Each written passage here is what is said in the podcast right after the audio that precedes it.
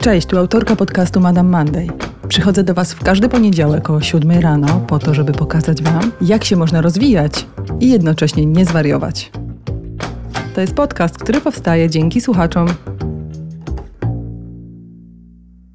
Cześć, Madame Monday ma już pół roku i na przestrzeni tych ostatnich sześciu miesięcy zdobyła zaszczytne miejsce w rankingu 200 najczęściej słuchanych podcastów w Polsce. To jest dla mnie szalona nobilitacja, ale też wielka nagroda za to, że przyjęłam to zaproszenie od życia. Ale gdyby nie wy, gdyby nie słuchacze i gdyby nie wsparcie wytrwałych patronów, którzy Madame Monday tak naprawdę finansują, tego podcastu by nie było. Dlatego serdecznie chciałam Tobie podziękować z tego miejsca i chciałam serdecznie przywitać wszystkich nowych ludzi, którzy przyszli. Fajnie, że jesteście i fajnie, że możemy się poznać i że możecie dołączyć do naszego cyfrowego plemienia. Nie możecie znaleźć na profilu Psychologii Anna Flis i na Facebooku i na Instagramie, a patronat Madame Monday możecie znaleźć na Patronite.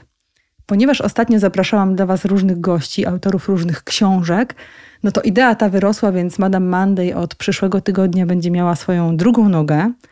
Ta noga to Madame Monday czyta i w każdą sobotę o godzinie 9 rano albo 8, jeszcze tego nie wiem, będzie wjeżdżał nowy odcinek podcastu na temat książek, które Wam polecam i książek, które dotyczą przede wszystkim rozwoju osobistego, kultury i społeczeństwa.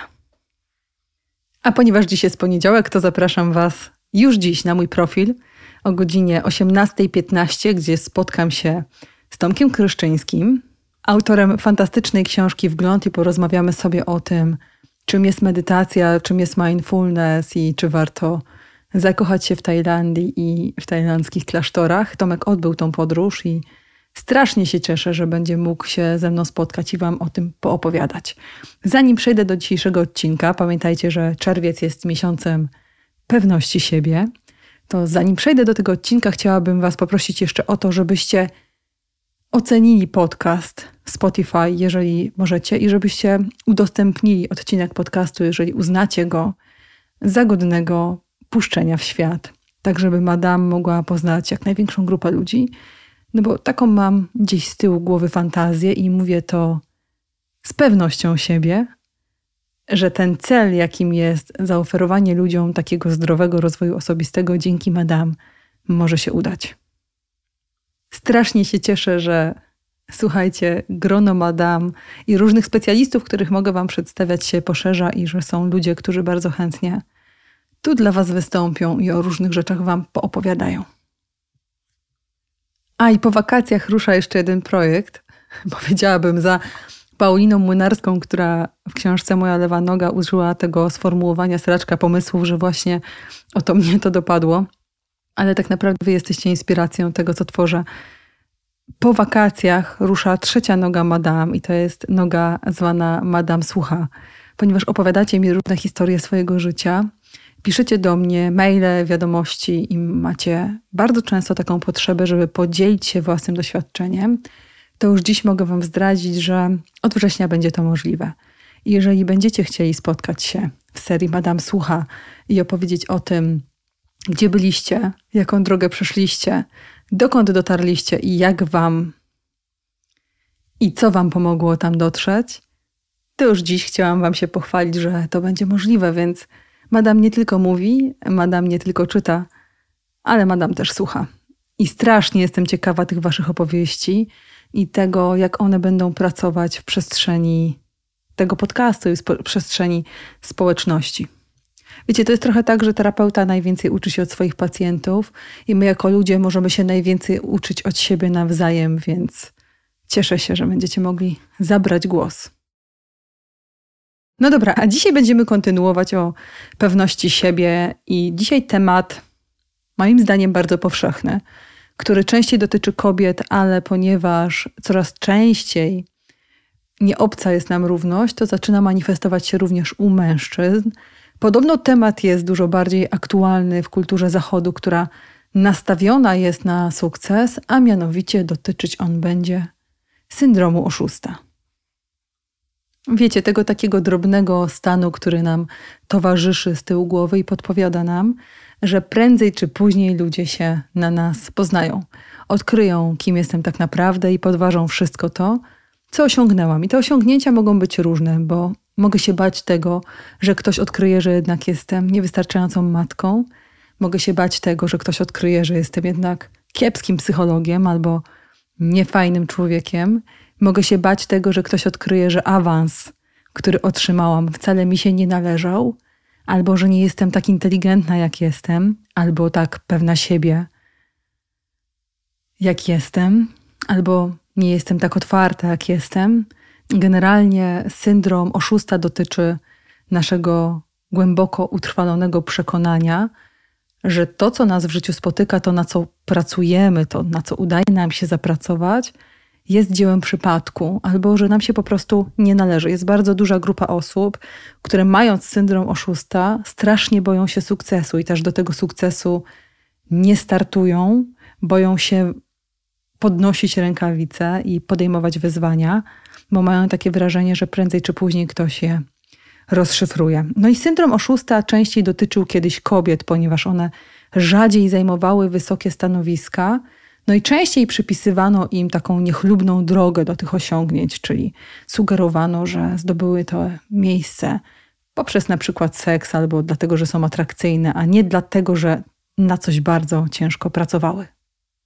Co jest strasznie ciekawe, to syndrom oszusta rośnie wraz z naszym zadowoleniem z życia. Czyli najczęściej to jest tak, że kiedy odnosimy jakiś sukces, i nie myślcie tutaj kategoriami sukcesów kultury zachodu, kiedy nam po prostu udaje się zrealizować jakiś cel, to wtedy ten syndrom oszusta się pojawia. I ten syndrom oszusta karmi się naszymi sukcesami, i to jest największy paradoks, że im bliżej pozytywnego efektu w naszym życiu, im bliżej jesteśmy satysfakcji z tego, kim jesteśmy, kim się stajemy, dokąd zmierzamy, tym bardziej rozgaszcza się w nas takie przekonanie, że nie zasługujemy na to, co mamy. Syndrom oszusta sprawia, że cały czas nam się wydaje, że porażka przed nami, no i że nie jesteśmy jeszcze przyłapani na tym, że coś tam z nami pod spodem jest nie tak. To jest takie przekonanie, które ma swój początek w założeniu, że Sukces albo satysfakcja może tylko dotyczyć ludzi doskonałych, czyli takich, którzy nie posiadają żadnych wad. I osoba, która cierpi na syndrom oszusta, ona ma ciągle przekonanie o tym, że oszukuje otoczenie w kwestii swoich rzeczywistych zdolności, inteligencji, swojego wyglądu, swoich zasobów. Bardzo często Instagram wzmacnia syndrom oszusta, bo, bo wiecie, na Instagramie albo na Facebooku jesteśmy szczególni. Jesteśmy tacy, jak chcemy być widziani, więc wiecie, jak później trzeba wyjść po jajka do jakiegoś marketu w starym, wyciągniętym dresie i bez make-upu, to można się obawiać tego, że cały świat oto zobaczy moje oblicze. Syndrom oszusta to jest taki moment, w którym na przykład mogę napisać kilka dobrych książek, które się świetnie sprzedają, ale jeden błąd ortograficzny w poście na Facebooku przeważy o tym, co wydaje mi się, że myślą o mnie ludzie. Czyli osoba cierpiąca na syndrom oszusta boi się zdrady jakiejkolwiek wady, nawet nie chcę nazywać tego wadą, czyli zdrady jakiejkolwiek, zdrady jakiegokolwiek potknięcia dla osoby z syndromem oszustwa. Potknięcie oznacza koniec. I to trochę koresponduje z kulturą kasowania, czyli z cancel culture, z którą mamy do czynienia, że jeżeli ktoś wyjątkowy w naszej opinii albo jakiś idol no nie wiem jak to nazwać, ale jakaś postać, która jest na świeczniku, popełnia jakiś błąd, jakiś jeden drobny błąd, to wtedy my kasujemy tą osobę, czyli kasujemy jej cały dotychczasowy dorobek. I na to musimy bardzo uważać, bo to gruntuje takie przekonanie, że aby utrzymać pozytywne myślenie o sobie, trzeba być bez skazy. No dobra, ale teraz skąd taki syndrom oszusta się bierze, poza tym, że kultura go wzmacnia, a już kultura sieci szczególnie? Syndrom oszusta bierze się z takiego przekonania, że istnieją jakieś warunki wartości. Czyli, że jest jakaś okoliczność, która sprawia, że my albo zasługujemy na to, aby dobrze o sobie myśleć, albo zupełnie nie zasługujemy. I że próbujemy to mierzyć, czyli ustalamy sobie jakiś warunek, zgodnie z którym próbujemy żyć. I teraz oczywiście łatwo sobie wyobrazić, że osoba, która żyła w domu, w którym nie było bezwarunkowej miłości, osoba, która słyszała, że jest godna miłości tylko wtedy, kiedy spełnia oczekiwania swoich bliskich, ma większe predyspozycje do syndromu oszusta. Natomiast czasem zdarza się tak, że mamy całkiem fajne dzieciństwo, a mimo to nasze poczucie własnej wartości kuleje, bo gdzieś jakieś inne wzorce podpowiadają nam, że jesteś godny miłości, szacunku, akceptacji ze strony innych, gdy coś. I teraz uwaga.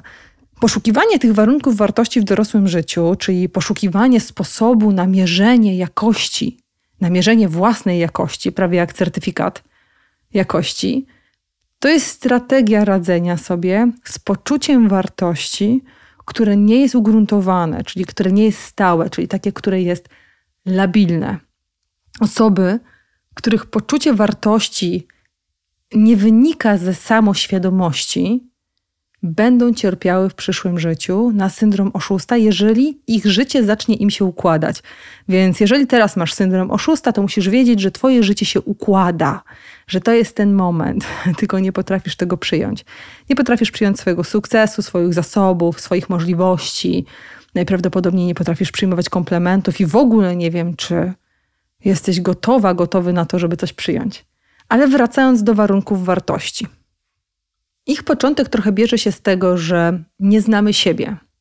Musimy mieć jakieś warunki wartości, bo nikt nas nigdy nie poznał. Czyli rodzice osób, które były traktowane właśnie tak warunkowo, to są rodzice, którym trudno było zobaczyć swoje dzieci.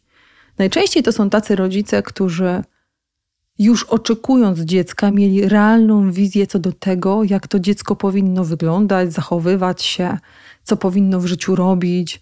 Najprawdopodobniej są to ludzie, którzy gdzieś kiedyś też usłyszeli, że będą godni miłości tylko wtedy, kiedy będą jacyś, nie kiedy będą sobą. Więc pewność siebie takich osób jest znikoma, bo pewność siebie bierze się z przekonania o tym, że wiem, kim jestem, i że dzięki temu, że wiem, kim jestem, mam względne poczucie bezpieczeństwa w życiu. Jeżeli chcesz sprawdzić, czy jesteś osobą, w której kiełkuje pewność siebie, to sprawdź, czy masz względne poczucie bezpieczeństwa w życiu, że poradzę sobie w każdej sytuacji. Nie chodzi o to, jak sobie poradzę, bo mogę poradzić sobie trochę gorzej albo trochę lepiej, ale jestem przekonana, że jestem w stanie jakoś sobie poradzić i to jakość jestem w stanie przyjąć. Czyli nie będę katować się za to, w jaki sposób zmierzyłam się z demonami życia. I tu dochodzimy do ważnej rzeczy. Jednej to takiej, że osoby, które mają syndrom oszusta, nie znają siebie, nie znają swoich zasobów, więc jak im się przytrafia jakiś sukces życiowy, to szukają jego źródeł na zewnątrz, na przykład w szczęściu, jakimś dziwnym zbiegu okoliczności. Drugie to takie, że są to osoby, które nie mają poczucia bezpieczeństwa, czyli boją się, że to, co wypracowały, za chwilę mogą stracić. A trzecia rzecz to taka, że te osoby próbują znaleźć, odszukać jakąś strategię, żeby poradzić sobie właśnie z tym, co czują. Poradzić sobie z tym wewnętrznym lękiem przed upadkiem z wysokiego konia. I te strategie, które opierają się na jakimś warunku, właśnie do tego służą. Czyli pojawia się takie pierwsze założenie: jeżeli to.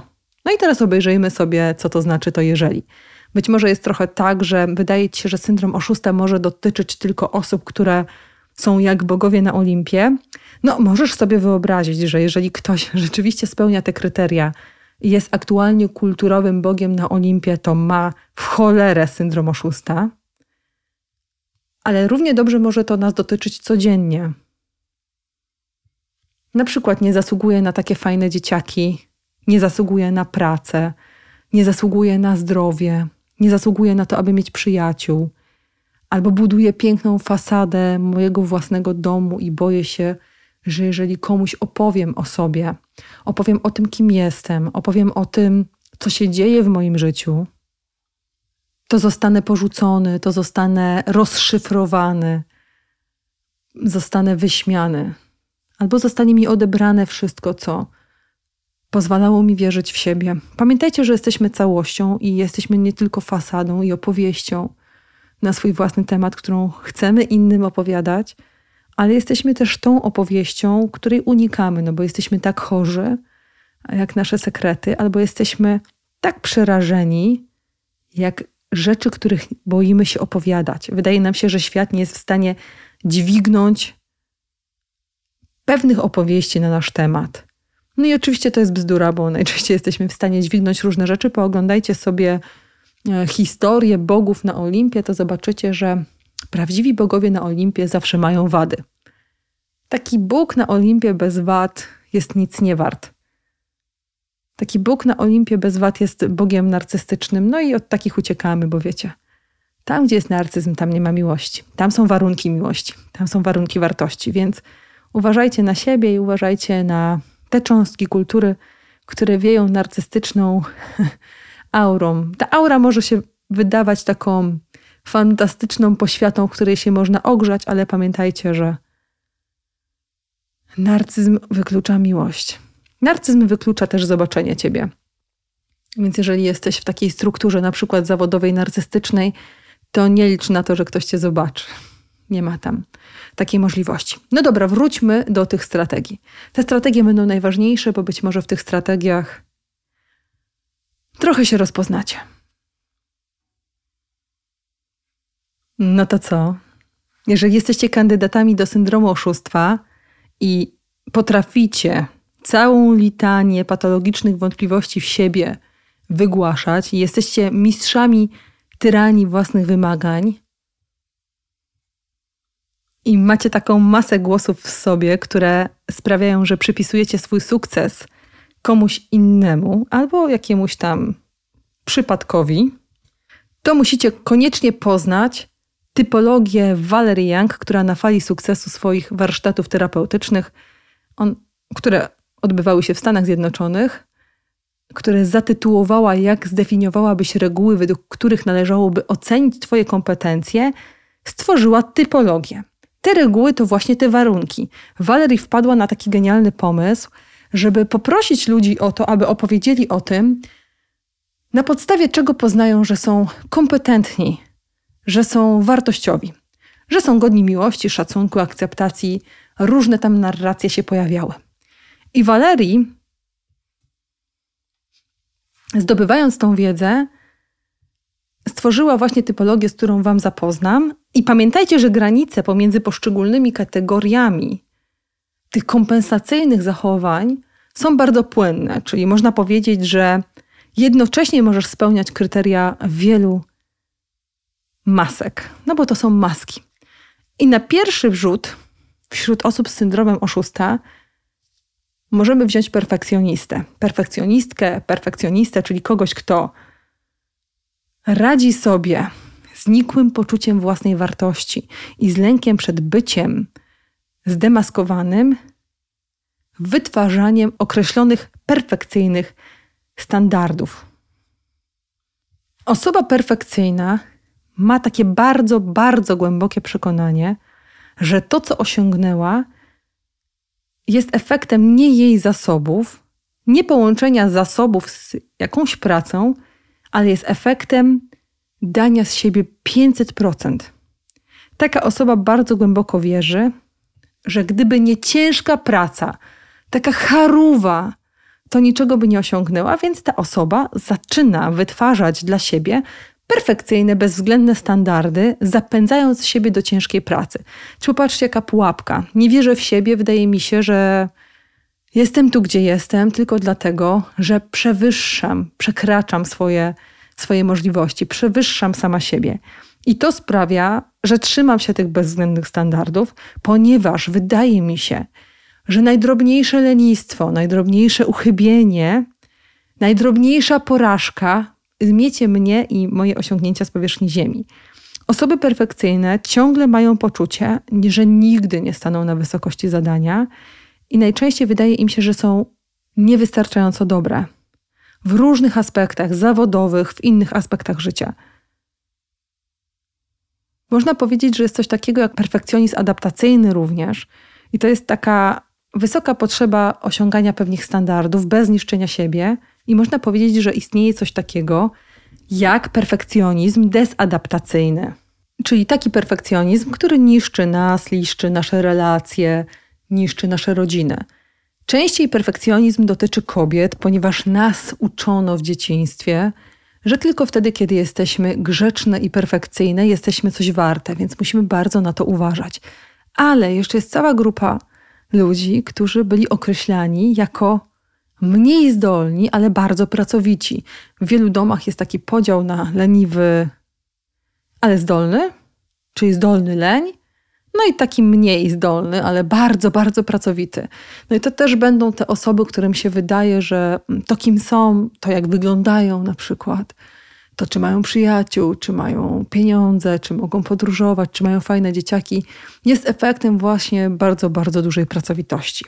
No i można powiedzieć, że perfekcjonizm w większości przypadków zagarnia całe nasze życie, czyli te standardy okrutne dotyczą każdej sytuacji, czyli ktoś chce mieć perfekcyjny dom, perfekcyjną pracę, perfekcyjną figurę, perfekcyjne wakacje, ktoś chce mieć perfekcyjne dzieci, perfekcyjny związek i wiecie, że to jest skazane na porażkę, że ta strategia prowadzi nas do szaleństwa zwanego rozczarowaniem, że perfekcjoniści to najbardziej rozczarowane osoby na świecie, że to nawet nie chodzi o control freak, który w nich żyje, tylko chodzi o to, że taki perfekcjonista oddaje całe swoje życie za to, żeby spełnić niespełnialne warunki.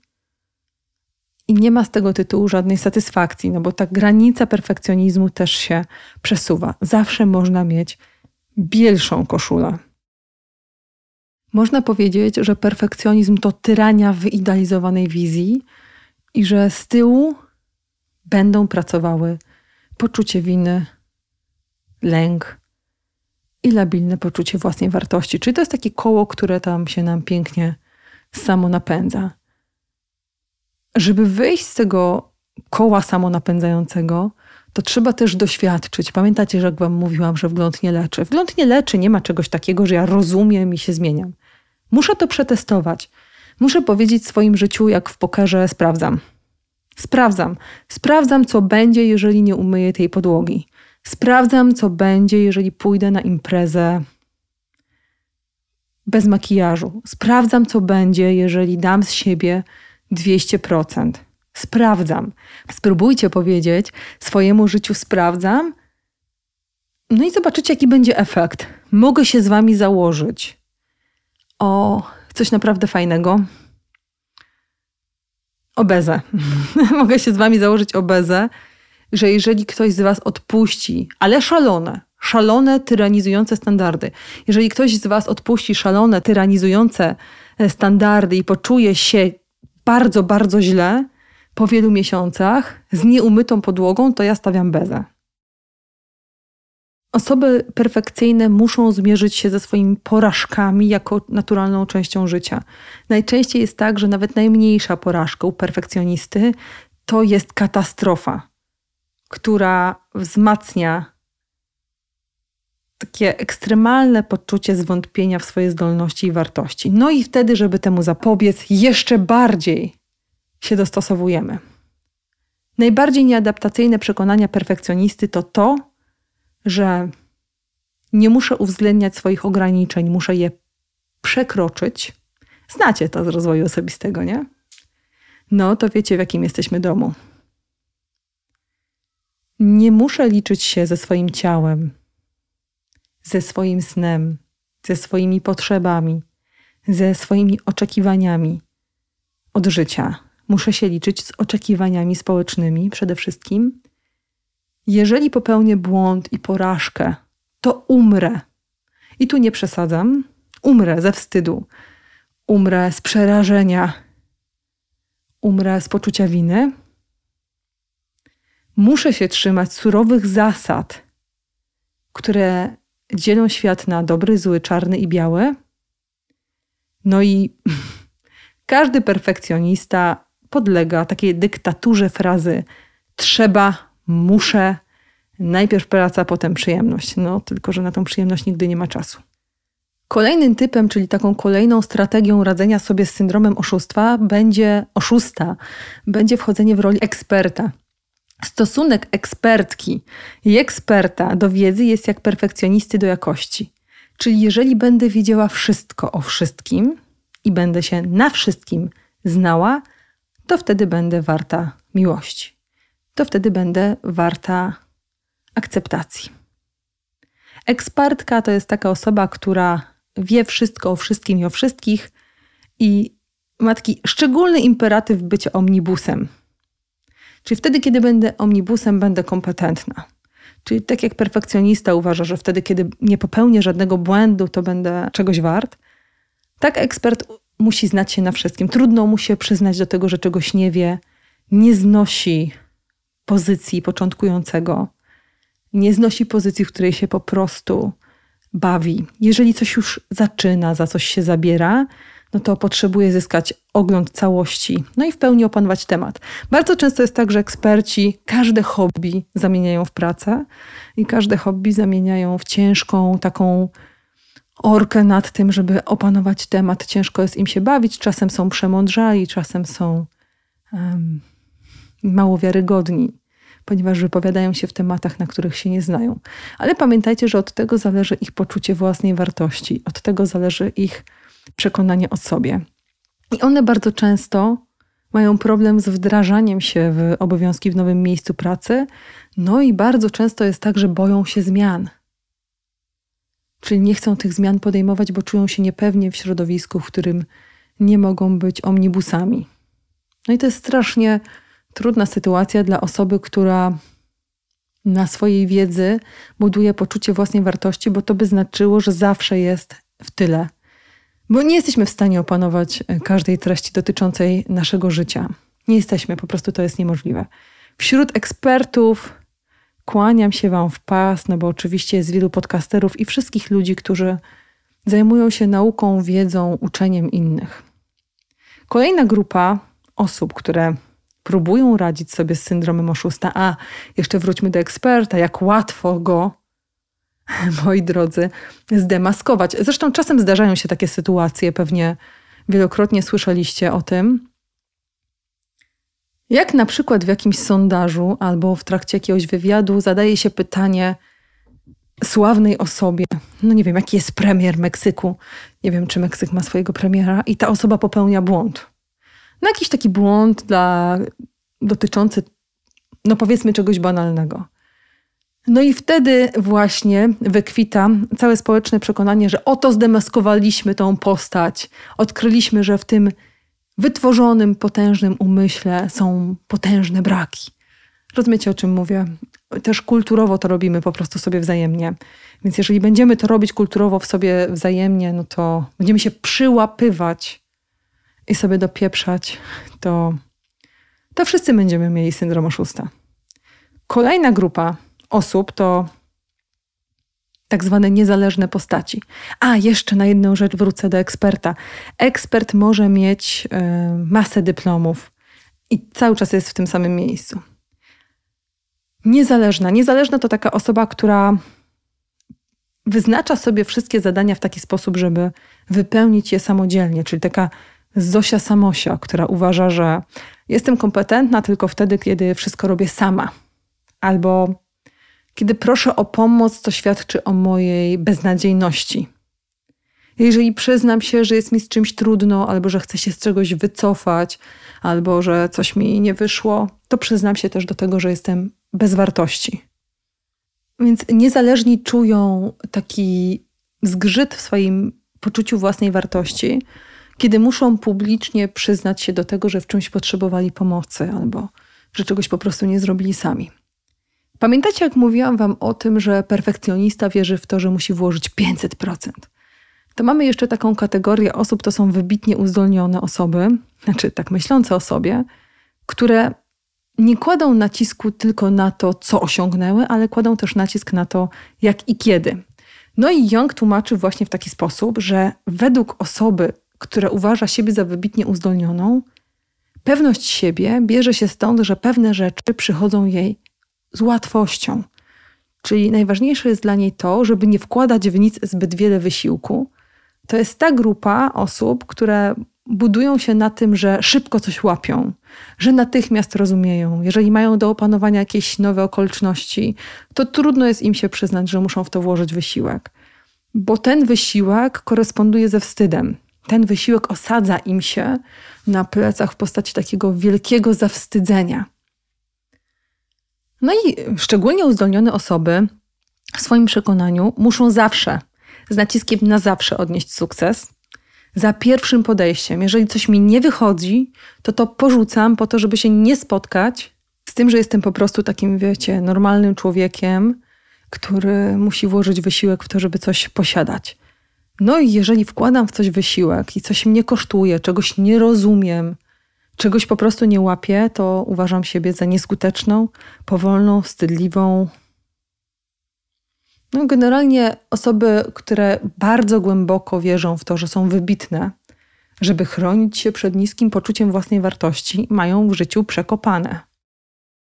Bo to są te postaci, które no, z lęku przed porażką albo przed konfrontacją nie próbują niczego. Czyli to jest ta grupa osób, które mówią: Nie chce mi się, nie zależy mi, mam to w nosie, wcale nie przeszkadza mi to, jak żyję, to jest mój wybór, jak żyję, to jest mój wybór, że nie rozwijam swojego talentu. Tak? Czyli ryzyko skonfrontowania się z tym, że muszę włożyć wysiłek w to, żeby coś osiągnąć, kimś być, cokolwiek to znaczy, to ryzyko jest zbyt dużo, więc bardzo często to są takie osoby, które w dzieciństwie mają takie głębokie przekonanie o swoich wielkich uzdolnieniach albo możliwościach, a w dorosłym życiu nie chcą tego sprawdzać, bo wolą sobie być w tej bańce ignorantów wobec własnego talentu, niż żeby ta bańka pękła i żeby zobaczyły, że po prostu są zwykłe, normalne, bo tam zwykłość się nie mieści. Zwykłość się nie mieści, bo zwykłość jest nijaka, bo jeżeli tam pod spodem jest pusto, jeżeli chodzi o poczucie własnej wartości, no to ja muszę to zastąpić czymś solidniejszym, czymś bardziej cennym w mojej opinii. No i poza wybitnie uzdolnionymi mamy jeszcze super ludzi. Super ludzi to taki super człowiek, to taka osoba, która ma wszędzie super. Nie przyłapiesz tej osoby na żadnym niedociągnięciu. I tu nie chodzi o perfekcjonizm, tylko chodzi o role społeczne. Bo perfekcjonista po prostu chce spełniać jakieś zarąbiście wygórowane standardy. A super człowiek, superwoman albo superman chce być świetny we wszystkich rolach. Podejmuje tych ról bardzo dużo i w tych rolach po prostu chce być wyjątkowy. Dlatego super człowiek musi mieć niespożyte zasoby energii. Bardzo często pod względem jakichś wymagań przypomina perfekcjonistę, ale ma jeszcze więcej oczekiwań od siebie i narzuca je również w rolach społecznych. Bo takiej osobie odniesienie sukcesu na jednym polu nie wystarcza. O ile perfekcjonista może na przykład z uporem maniaka dbać o porządek w domu, o tyle super człowiek albo superwoman albo superman musi być supermanem wszędzie. Czyli ta peleryna jest tym aspektem ochronnym, jest tą strategią. I bardzo często jest tak, że ci super ludzie to są osoby, które lubią się rozgościć e, w takich narracjach. Jestem taki zarobiony, nie mam na nic czasu. Moje życie tak pędzi, projekt za projektem. Znacie takich ludzi, być może sami czasami tacy bywacie. Ja też czasem taka bywam Kiedyś jak Polacy się spotykali, to po prostu rozmawiali o pogodzie, o tym, że jest albo za ciepło, albo za zimno. A przed taki moment, w którym ludzie zaczęli rozmawiać ze sobą o tym, że są zarobieni, nie mają na nic czasu. No i tą walutą pewności siebie, poczucia własnej wartości dla super ludzi był brak czasu. Jeżeli jestem zarobiona, jeżeli nie byłam na urlopie od trzech lat, jeżeli nie mam czasu na wakacje, jeżeli nie mam czasu na nic i nie wiem, kiedy obejrzałam swobodnie film, no to to jest koronny dowód na to, że jestem super człowiekiem. Kolejna kategoria to tak zwany people pleasure, czyli taka osoba, która chce spełniać oczekiwania innych, która pod maską właśnie bycia taką osobą towarzyską, ciepłą, opiekuńczą, właśnie troskliwą, zabawną, ukrywa niskie poczucie własnej wartości. I to jest osoba, która się przegląda w oczach innych, ale nie w takiej kategorii, że jestem super fajna, tylko w kontekście jestem potrzebna, jestem zabawna, jestem lubiana, jestem sympatyczna, jestem grzeczna, jestem uczynna, jestem żartobliwa, tak? Czyli people pleasure to jest taka osoba, która lubi się poodbijać w sympatii innych ludzi. No i oczywiście tą sympatię zdobywa się poprzez porzucanie siebie, więc nie da się być osobą oddaną innym, będąc sobą. I pamiętacie, jak mówiłam na samym początku, że syndrom oszusta bierze się z tego, że nikt nas nie widział i teraz siebie nie znamy.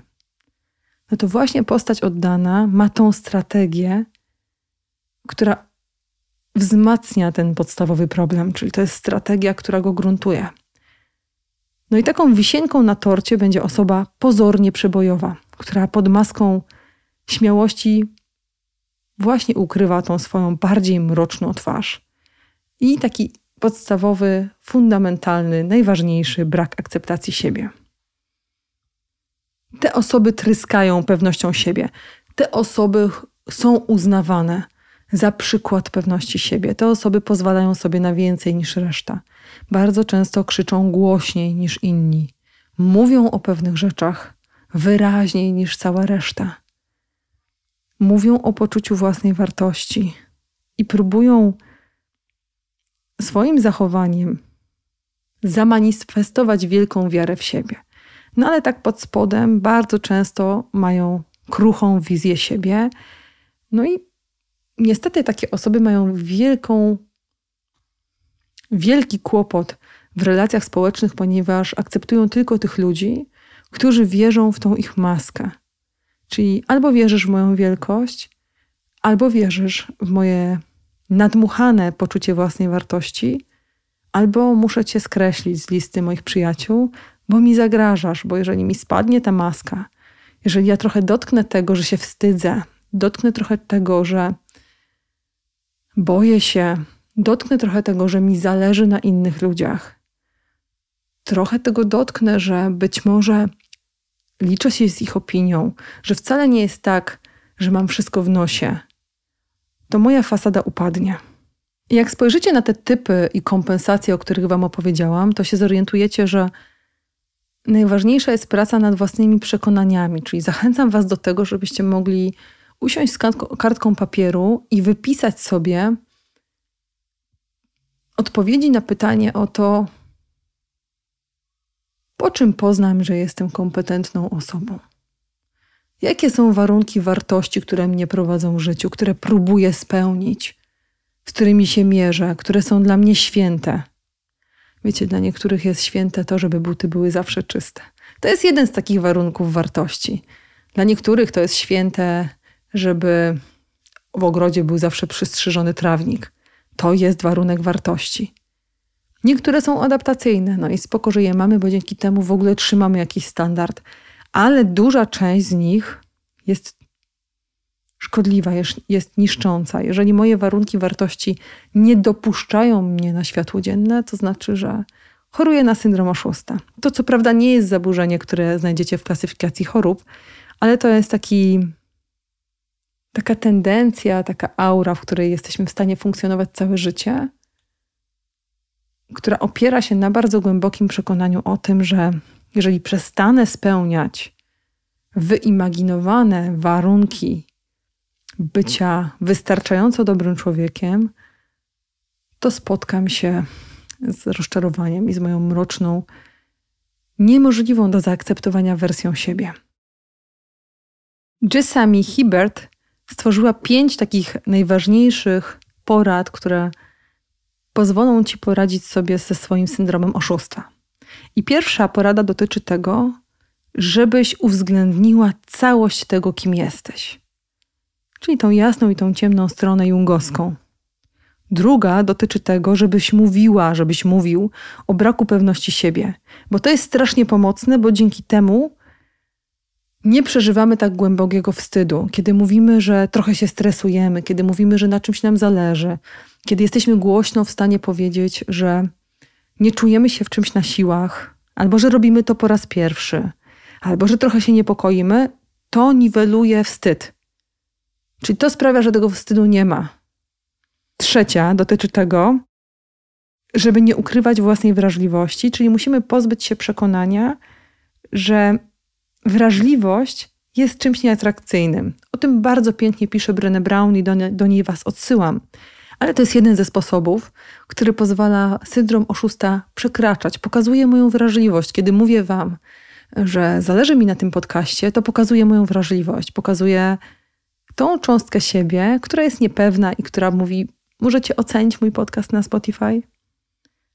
Czwarta rada to jest taka, która związana jest z uczeniem się obdarzania siebie współczuciem, bo wtedy orientujemy się, że błędy są użyteczne, że możemy, akceptując te błędy, zachować sprężystość emocjonalną i że dzięki temu możemy przetrwać, że na błędach się uczymy, że po popełnieniu błędu odpoczywamy, więc czasem warto się potknąć.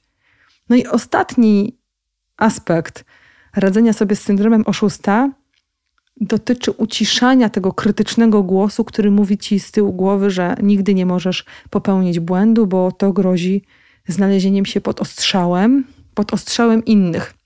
Bo w syndromie oszusta mamy głębokie przekonanie, że to inni nas zdemaskują. Wzrok i słuch innych ludzi nas zdemaskują. Na sam koniec Wam życzę, żebyście tworzyli głos współczujący, który podpowiada Wam, że Błędy popełniamy wszyscy, a sukces nie jest wypadkową ich braku, tylko jest podniesioną głową, którą nosimy na swoim karku, bez względu na to, jak często upadamy. To jest sukces. Dla mnie sukcesem jest przeżycie życia z niedowalaniem sobie za to, jakie ono jest. Jasne, że musimy się rozwijać i jasne, że musimy mieć jakieś wartości i każdy błąd, który popełniamy, jest tym, który prowadzi nas do bycia lepszym człowiekiem. Natomiast sukcesem jest bycie dla siebie dobrym. Sukcesem jest bycie dla siebie łagodnym. Pamiętajcie, że jesteśmy tu tylko na chwilę, tylko na moment, i przez ten moment możemy kochać, być kochanym i urzeczywistniać miłość.